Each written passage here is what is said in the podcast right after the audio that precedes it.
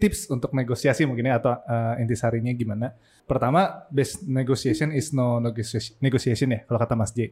Dan pada intinya dengan cara keterbukaan. Jadi apakah uh, kita bisa saling terbuka dan uh, pihak yang kita nego bisa saling terbuka juga. Dan ketika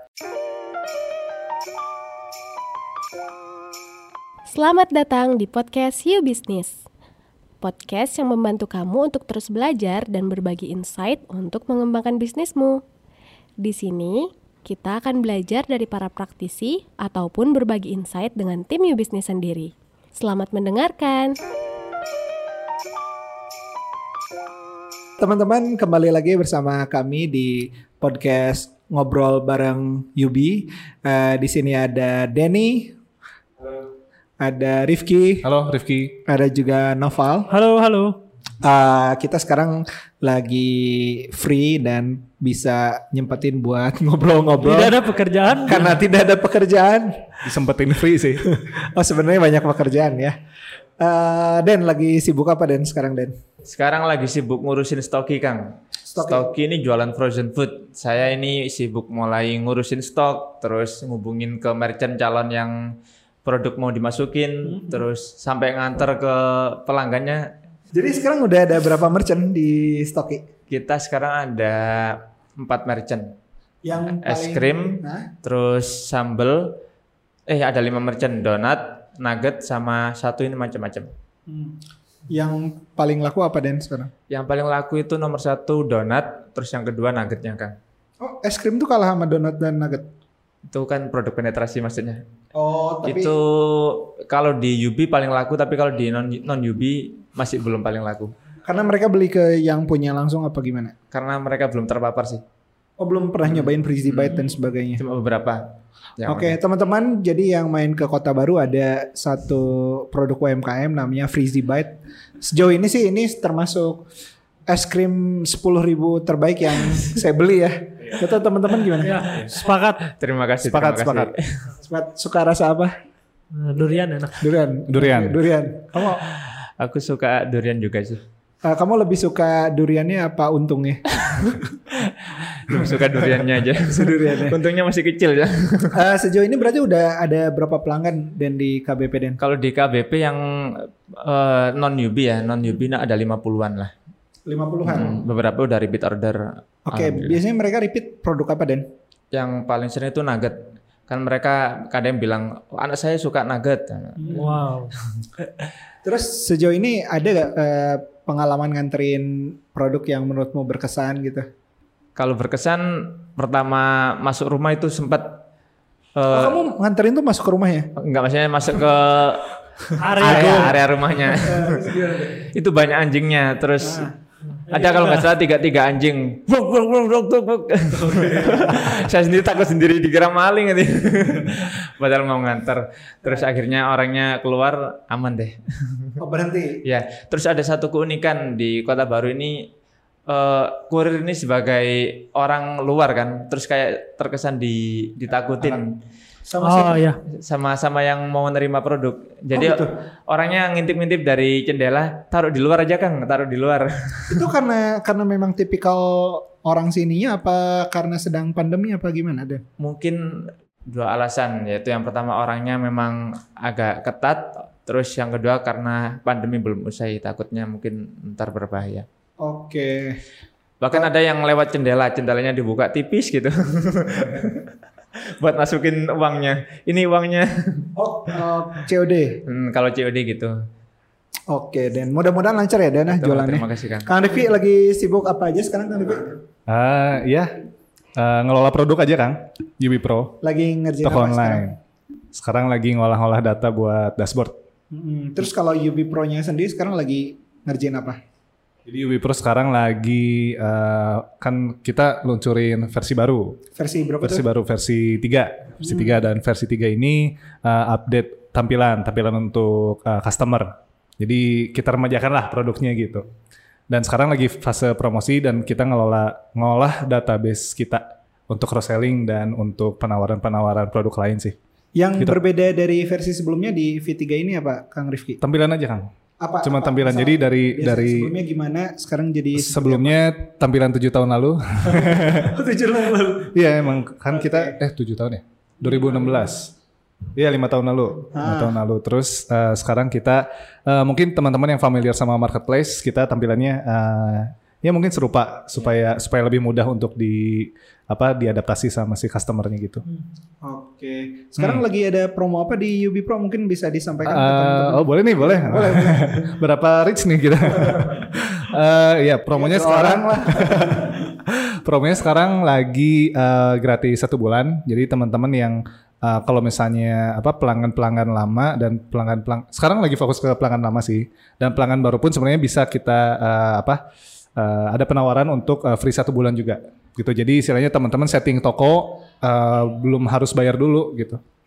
Tapi setting toko sampai beres baru eh, baru eh, coba manfaatnya, dapat manfaatnya baru Oke. Soal tampilan tadi Hmm. teman-teman bisa lihat contoh tampilan Ubi Pro barunya di sini. Nah, kurang Oh, lebih iya. seperti ini. Nah, kalau teman-teman cocok dengan toko yang bentuknya ini bisa gunakan yang ini, kalau enggak bisa pakai yang ini. kalau Oh, iya. teman-teman atau kalau enggak ya cocok yang itu bisa pakai yang ini. Oke, selebihnya eh, buat informasi lebih lanjut teman-teman bisa kunjungin link Ah. Yang ini. ini. Kalau Noval sendiri sekarang lagi sibuk apa Noval? ya sibuk ngurusin gudang. A- Apa yang lagi diurusin? Eh bener nih, dia ngomongin. ya ada apa sekarang keuangan, lagi fokus ke keuangan pergudangan. Oke, terus sekarang eh, ada kabar baru apa di Guyup beberapa pekan terakhir ini? Kabar baru kita buka gudang baru di Smesco Tower. Di Semester Tower. Jadi teman-teman bisa nyimpen barang juga di kota Jakarta. Betul, bayangkan teman-teman. Di mananya memiliki gudang di Gatot Subroto Jakarta, yang itu kan daerah-daerah strategis sebenarnya. Itu cukup mahal kalau sewa teman-teman sendiri. Di kita gratis 60 hari. 60 hari gratis. Oke, kira-kira produk apa yang kayaknya cocok masuk gudang Smesco? Hmm, mungkin teman-teman yang jualan uh, produk makanan bisa masuk atau kategorinya FMCG atau fast moving Consumer consumer, good. goods.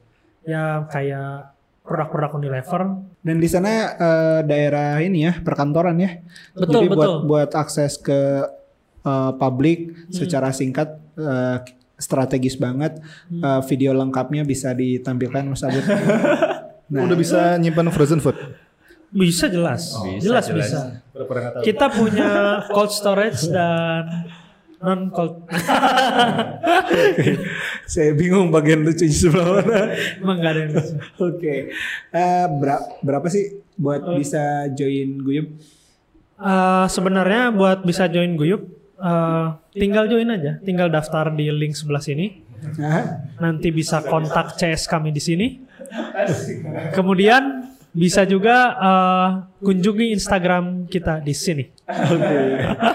Siap. Eh, oh iya ya, link-link yang tadi kita sempat bahas bisa teman-teman temukan di kolom deskripsi ya.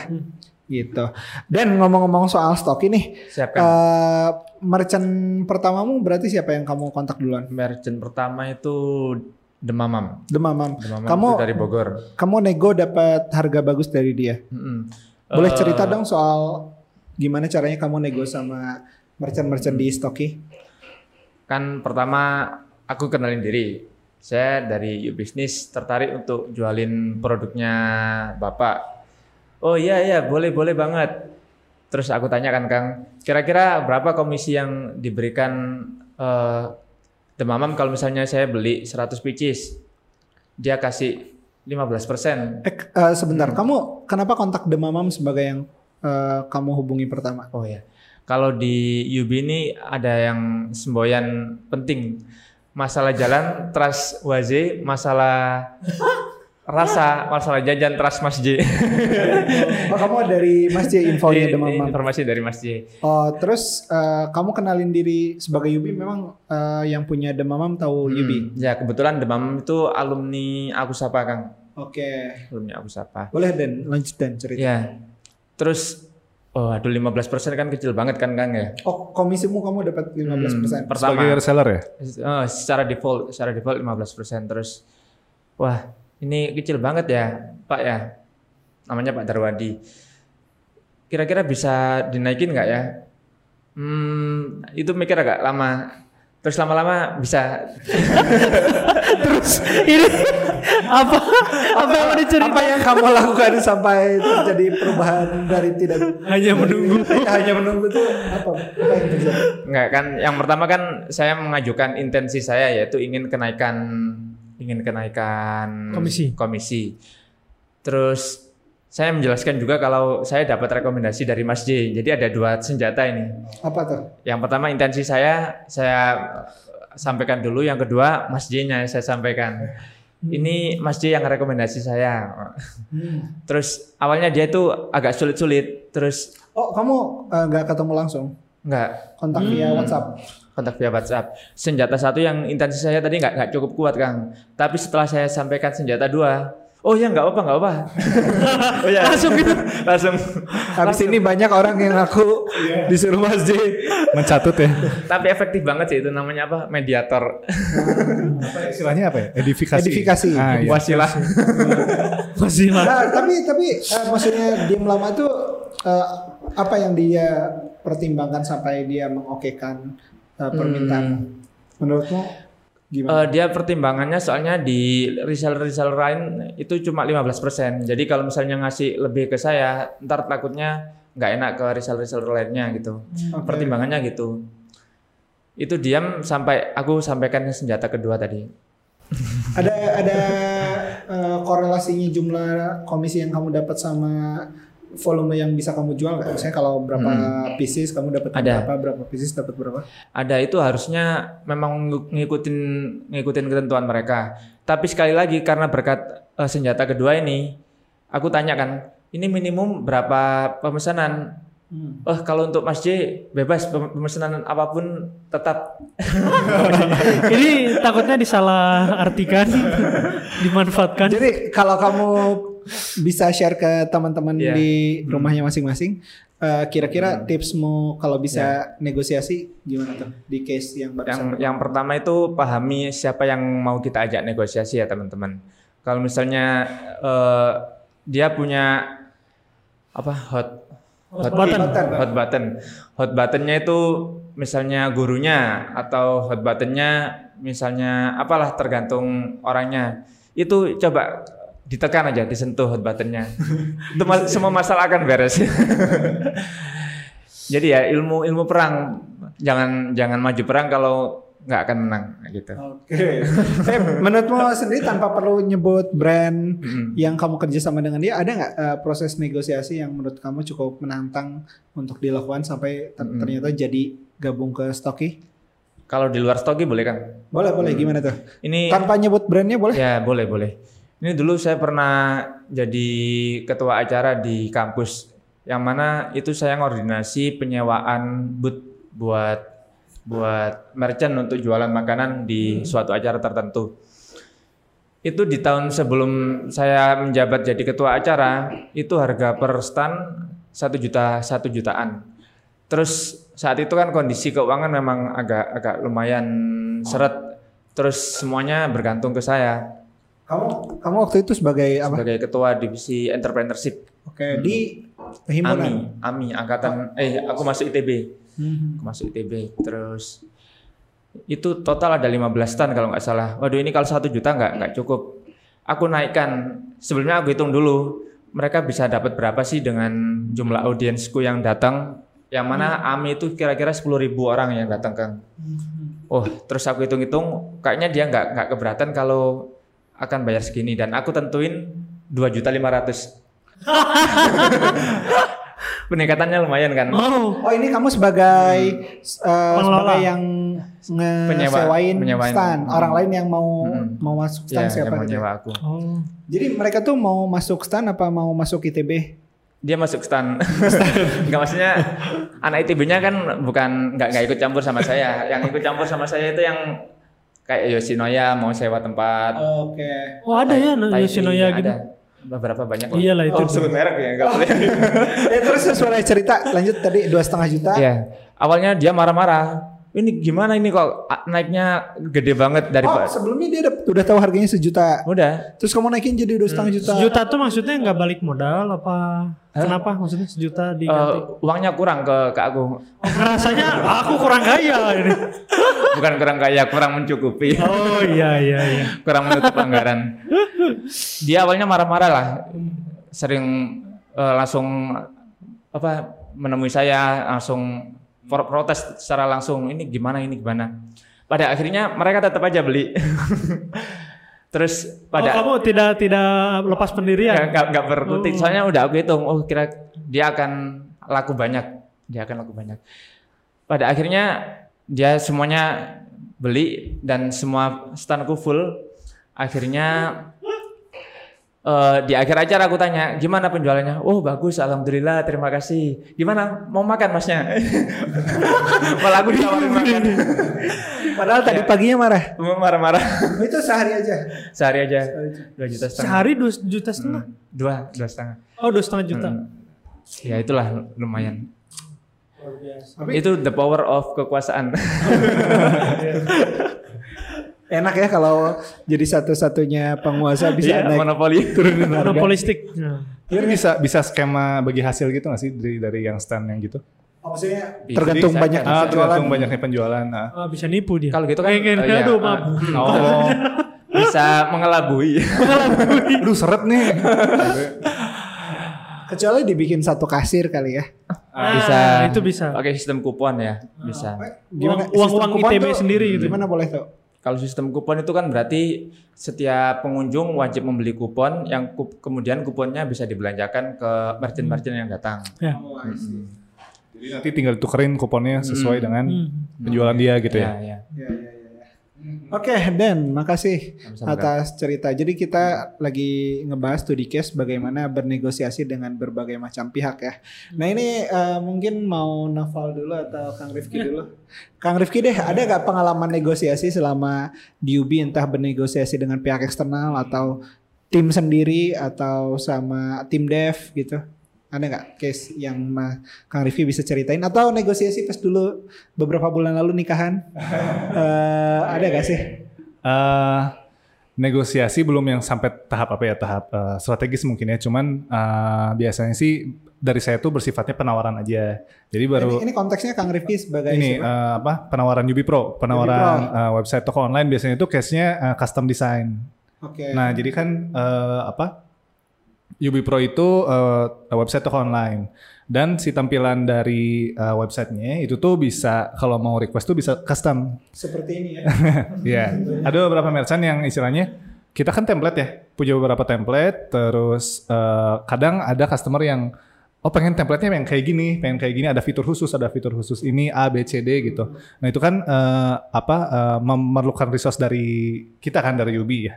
Nah kemudian eh, biasanya pricingnya, pricingnya kita bedain dan tiap eh, apa ya, tiap penawaran, tiap beda customer, beda penawaran juga karena tergantung fiturnya dan tergantung juga kemampuan dari Customer ah, customernya gitu. Boleh cerita studi kasus tanpa menyebut kliennya siapa? Oh di konteks customer ini Hmm. Kang Rifki ngelihat apa sehingga kasih harga yang beda dibanding biasanya. Biasanya sih biasanya sih dari eh, apa ini eh, kita kita pelajari dulu sih balik lagi ya kata Dani tadi eh, klien kita tuh mampunya seberapa titik minimumnya berapa gitu.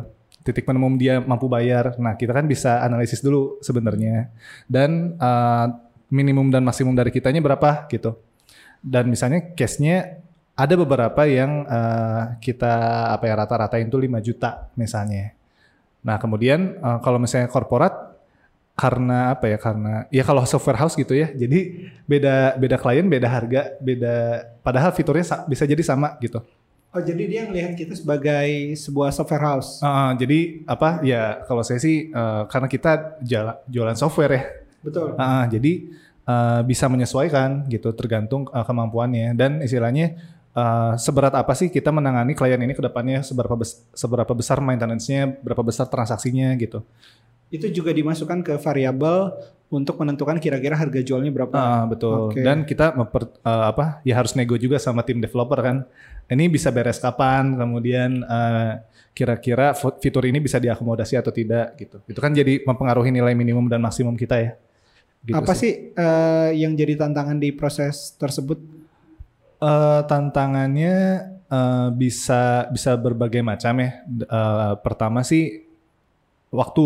Pertama waktu eh, waktu negosiasinya berapa lama? Kan istilahnya harga harga sekian, tapi ketika diulur waktu tuh kadang ada yang terdesak gitu. Ketika ah, faktor-faktor itu gitu. Jadi eh, dan juga eh, fitur-fiturnya juga gitu. Kira-kira fitur ini bisa diakomodasi nggak ya? Antara kita bisa akomodasi, tapi kita harus eh, apa istilahnya seakan-akan eh, ngalah dulu gitu. Kita ngalah dulu, tapi ketika deal dengan eh, dengan kliennya kita bisa istilahnya eh, dapat keuntungan gitu, yang bisa ngebayar eh, kekalahan kita tadi gitu. Oke, I see. Nanti kita masuk ke Guyub dulu. Hmm. Noval, ada pengalaman di negosiasi yang menarik di Guyub? Ya, eh, Tanpa nyebut pihak keduanya juga boleh. Oh, jangan susah tapi kalau harus disebut sih. Ya nanti kalau yang bersangkutan nonton iya. gak enak. Jadi mungkin kita pernah pengen bikin gudang di salah satu tempat. Ah. Nah, eh, proses negosiasi kan eh, kita eh, pengen gudang yang dibuat tadi kita kerja sama sama pihak yang lain, di mana biaya gudang itu kan eh, cukup lumayan besar gitu. Nah, karena kita harus ada cost yang kita tanggung di depan, kita memilih ini biar kita biar ketutup atau biar bukan beban dia di kita ke mana nih? Nah, kita carilah sponsorship. Nah, di sponsorship inilah sebenarnya ya, proses negosiasinya dimulai gitu. Gimana sih cara orang mau sponsorin gudang yang kita buat gitu? Ya bisa tadi mungkin kita tonjolkan kelebihannya mungkin kata Denny tadi trafficnya besar nih atau kalau di posisinya Guyup potensi eh, orang yang menggunakan gudang tuh besar gitu. Gimana mau sponsorin apa enggak? Itu kan bisa jadi eh, potensi bagi dia gitu. Kemudian juga misalkan eh, dari mereka kan kadang ada pertanyaan ini saya eh, sponsorin eh, tapi harus untung sekian. Mereka juga punya target untuk eh, gimana ngebalikin biaya infrastruktur yang mereka kasih gitu. Nah, di sisi lain juga dari kita bisa juga nego dengan eh, ya udahlah anggaplah kamu minjamkan infrastruktur ini selama jangka waktu tertentu. Jadi eh, target-targetnya pun semakin bisa lebih rendah gitu kos-kos yang harus keluar. Mungkin itu sih salah satu contoh di di case di Guyup. Ada hal yang menarik gak ya ditemui ketika proses negosiasi tersebut terjadi? Hal menarik adalah eh, apa ya? Ketawanya Oh, hal menarik ini sih kan se- sebelumnya tuh sebelum kita cari sponsor eh, sempat kita cari-cari sendiri gimana nih? Kita bikin pergudangan kita cari sendiri eh, infrastrukturnya dari mulai rak terus palet dan lain-lainnya. Itu tim di Yubi ini Mas Denny juga aku ikut eh, cari-cari kita harus beli rak sekian ratus ini sekian ratus kita nego lah dengan yang pemilik barang kan Pak, segini ya, segini ya. Nah, eh, triknya bisa jadi kita kumpulin dulu kan beberapa eh, vendor gitu. Jangan single vendor bakal pasti bakal mahal. Jadi kita bisa compare dulu lah dengan spek serupa di mana nih eh, apa biaya yang paling murah. Bisa jadi itu kita kasih bola lah kayak ibu-ibu lah di tempat sebelah juga lebih murah. Misal kayak gitu kan. Kadang di- dia konternya, "Bapak dari mana?" Ya dari sini gitu. Oh ini konteksnya pas nyari supplier. pas dari supplier racking lah contoh gitu. Ah. Ada yang ngasih harga 2 juta satu rak misalkan. Ternyata Waktu itu di 2 juta satu rak mau rencananya mau cari Hmm. berapa banyak rak? eh, kurang lebih 400 gitu, 400 2 rak. juta kali 400 berarti 800 jutaan tuh. hampir 800 juta ya. Hmm. Oke. Nah, eh, itu kan lumayan kalau kita kali 400. Ternyata di vendor sebelah tuh ada vendor mungkin yang lebih gede, akhirnya dia punya biaya HPP mungkin yang lebih rendah juga karena dia masif gitu. Ternyata beda dia satu setengah. Nah, ini kan sebenarnya bisa jadi bisa jadi kita milih yang ini pertama bisa gitu atau kita pakai harga sebelah untuk neken yang ini ya bukan tekan-tekanan maksudnya ya cara negosiasi ibu-ibu lah kasarannya. Ya cukup efektif. Dia nurunin cuman nggak sampai Nggak harga sama. sebelah gitu ya. Ternyata bisa kita tekan lagi satu setengah ini kan sebenarnya dia punya hak- punya keuntungan lagi kan. Cari lagi aja vendor yang lebih besar lagi sampai ketemu maksimumnya gitu sampai wah ini emang supplier paling mentok tangan pertama bukan tangan kedua ketiga lagi paling itu sih Waktu itu sampai di angka berapa berarti bisa di nemu yang 800 apa Wow, ya 800 setengahnya lagi ya. setengahnya lagi Oke. Ya. Dan gimana pengalaman bernegosiasi seperti itu?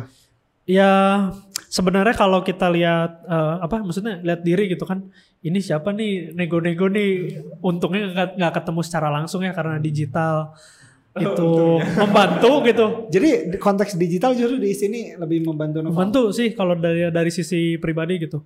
Karena kalau kita lihat terus ketemu bapak-bapak berewokan tinggi besar kadang mental udah agak ciut kan dari postur maksudnya gestur fisik kan ngaruh tuh bisa nekan tuh karena nggak kelihatan orangnya ya kita pakai profile picture meyakinkan aja gitu kan. Seperti apa profile picture-nya Noval? ya bisa jadi Boleh kita ditampilkan?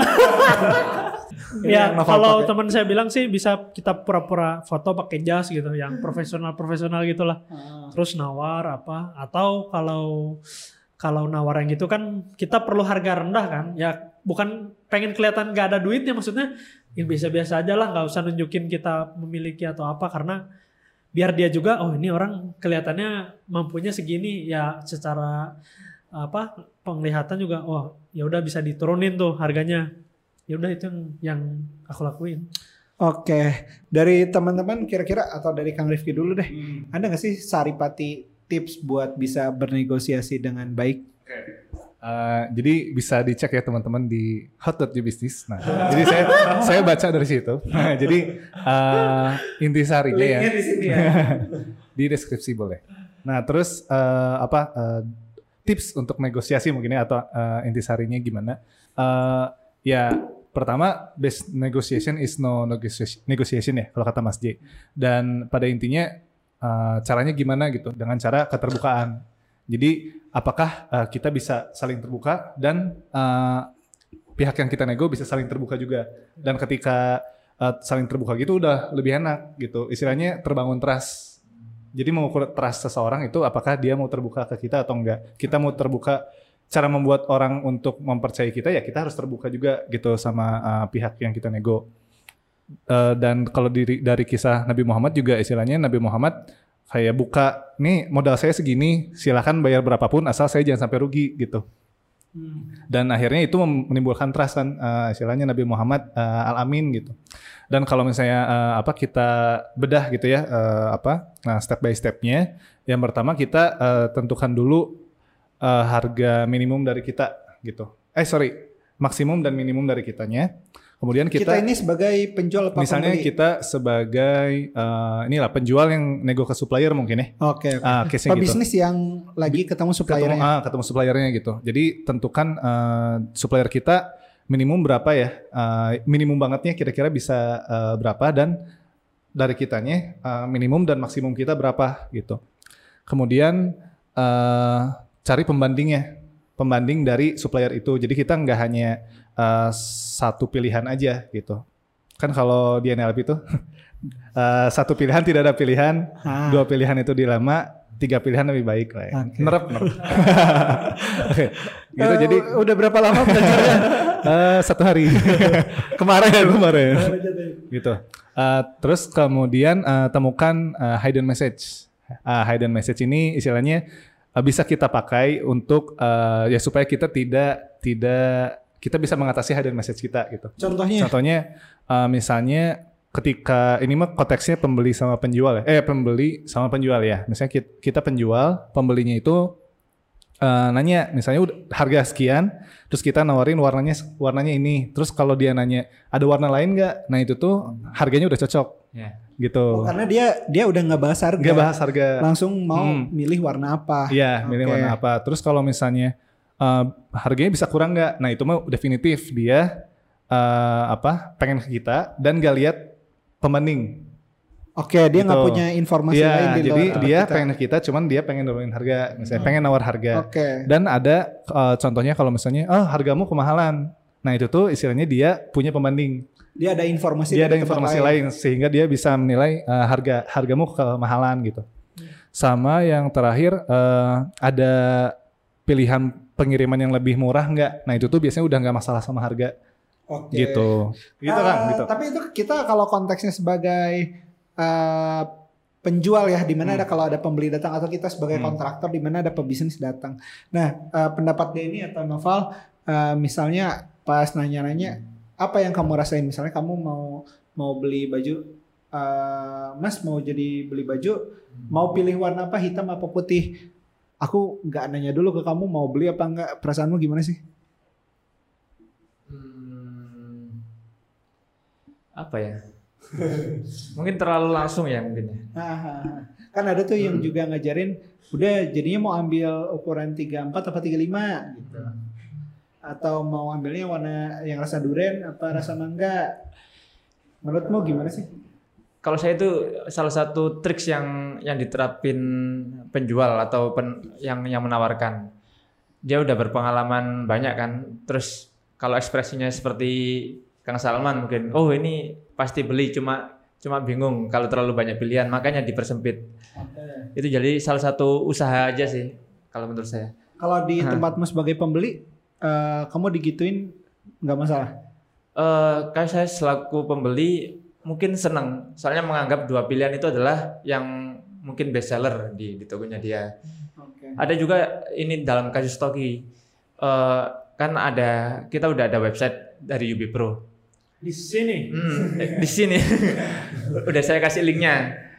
Tapi yang ibu-ibu ini, bunda-bunda ini tetap nggak mau ngeklik dengan apa yang kira-kira favorit. Langsung tanya ke saya. Langsung saya aja kasih lempar. Ini sambal sambal mata. Oh, Yang dari sambal dari, gardas. dari sambal gardas. Oke. Hmm. Jadi harganya juga saya carikan aja lah yang kira-kira cocok buat orangnya. Kamu melihat orangnya cocok dengan harga ini gimana caranya? Nggak nolak dengan rekomendasi saya. Oke. Good, good, good, good. Eh, Yeah. Kalau dari novel sendiri ada studi kasus nggak mengenai menemukan hidden gem, eh hidden gem, hidden, Hidden message. hidden message, hidden message yang terjadi di proses negosiasi sebelumnya? Hidden message ya. Eh, negosiasi kayaknya agak susah sih kalau yang eh, sebelum-sebelum. Soalnya kan eh, mungkin itu eh, kali pertama gitu cara negosiasi. Cuman kalau saya sendiri nego ke toko, Kamu Kadang- sebagai pembeli, pembeli eh, kasarannya gini lah. eh, ada pameran mobil gitu kan, duduk duduk duduk kelihatan eh, kita mungkin masih anak-anak atau kayak gimana. It- eh, kadang dia bukan ngusir ya, halus gitu. Eh, dia kan mungkin cari orang benar-benar potensi potensial untuk ngebeli si mobil itu mungkin ya. Karena kita mungkin dilihat gak potensial, jadi eh, dia nggak ngusirnya secara halus mungkin. Oh ini mau dengan cara seperti apa? dilap dulu ya gitu oh gitu. itu hidden message-nya. mau hidden message-nya. Terus Atau bisa jadi ditanya "Ah, bisa dibantu. Nah itu udah tanda-tanda Ah. musir. tapi yang paling Bisa sering jadi. itu eh, apa istilahnya di bukan dealer ya apa penawar yang di mall-mall yang jaga mobil tuh eh SPG. SPG SPG itu kan biasanya nanyanya eh, rumahnya di mana itu pasti pertanyaan template lah Kalau di Sodong, Nah, makanya jawab saja di Dago. Biasanya gitu kalau di Bandung ya case-nya. Jadi bisa jadi uh, lebih didengar mirip gitu. inilah kalau daerah Dago tuh taman hewan gitu. Kebun binatang. Kompleks kos-kosan padat. Terus kadang ditanya lagi apa? eh, sebelumnya pakai apa? Ya kan eh, konteksnya ya ya udah gimana saya bohong-bohong aja gitu. Mau lihat maksudnya ma- karena udah terlalu sering jadi diri sendiri tuh kita ngetes si SPG-nya. Ya saya punya ini ya gitu gitu kan kadang kadang itu ya menarik sih maksudnya sejauh apa sih marketing di SPG tuh gitu. Itu sebenarnya dia lagi lagi ada pesan-pesan yang tersirat yang dia pengen tahu informasi dari kita ya kurang lebih gitu. Iya, potensi Dia apa? pengen tahu kemampuan beli kita ya sih? Betul betul ya. Dan waktu itu eh, lagi nawar mobil apa? Enggak, itu ada pameran mobil biasanya kan di di mall gitu ya. Di, di TSM atau kema atau dulu tuh. Hmm. Jadi ingat ya teman-teman, pameran itu tempatnya pamer. Oke, eh, kurang lebih kayak gitu materi negosiasi. Teman-teman bisa dalamin materi negosiasi di bawah ini. Nanti kita ketemu di episode se- eh, selanjutnya. Oh iya silakan eh, kalau ada pertanyaan di kolom komentar. Siapa tahu kita bisa bantu jawab. Atau mau ngasih usul tema-tema selanjutnya mau kita bahas, silahkan DM ke eh, akun New Business atau eh, kirim komentar di bawah YouTube ini. aja. Oke, makasih teman-teman. Kami izin pamit. Assalamualaikum warahmatullahi wabarakatuh. Waalaikumsalam. Terima kasih sudah mendengarkan podcast ini. Jika kamu merasa podcast ini bermanfaat, jangan lupa bagikan ke teman-teman kamu ya, supaya mereka juga dapat manfaat yang sama. Jangan lupa juga untuk mengikuti kami di Instagram at yourbusiness.com, karena di sana kami juga akan berbagi banyak insight seputar bisnis lainnya. Sampai bertemu di episode selanjutnya.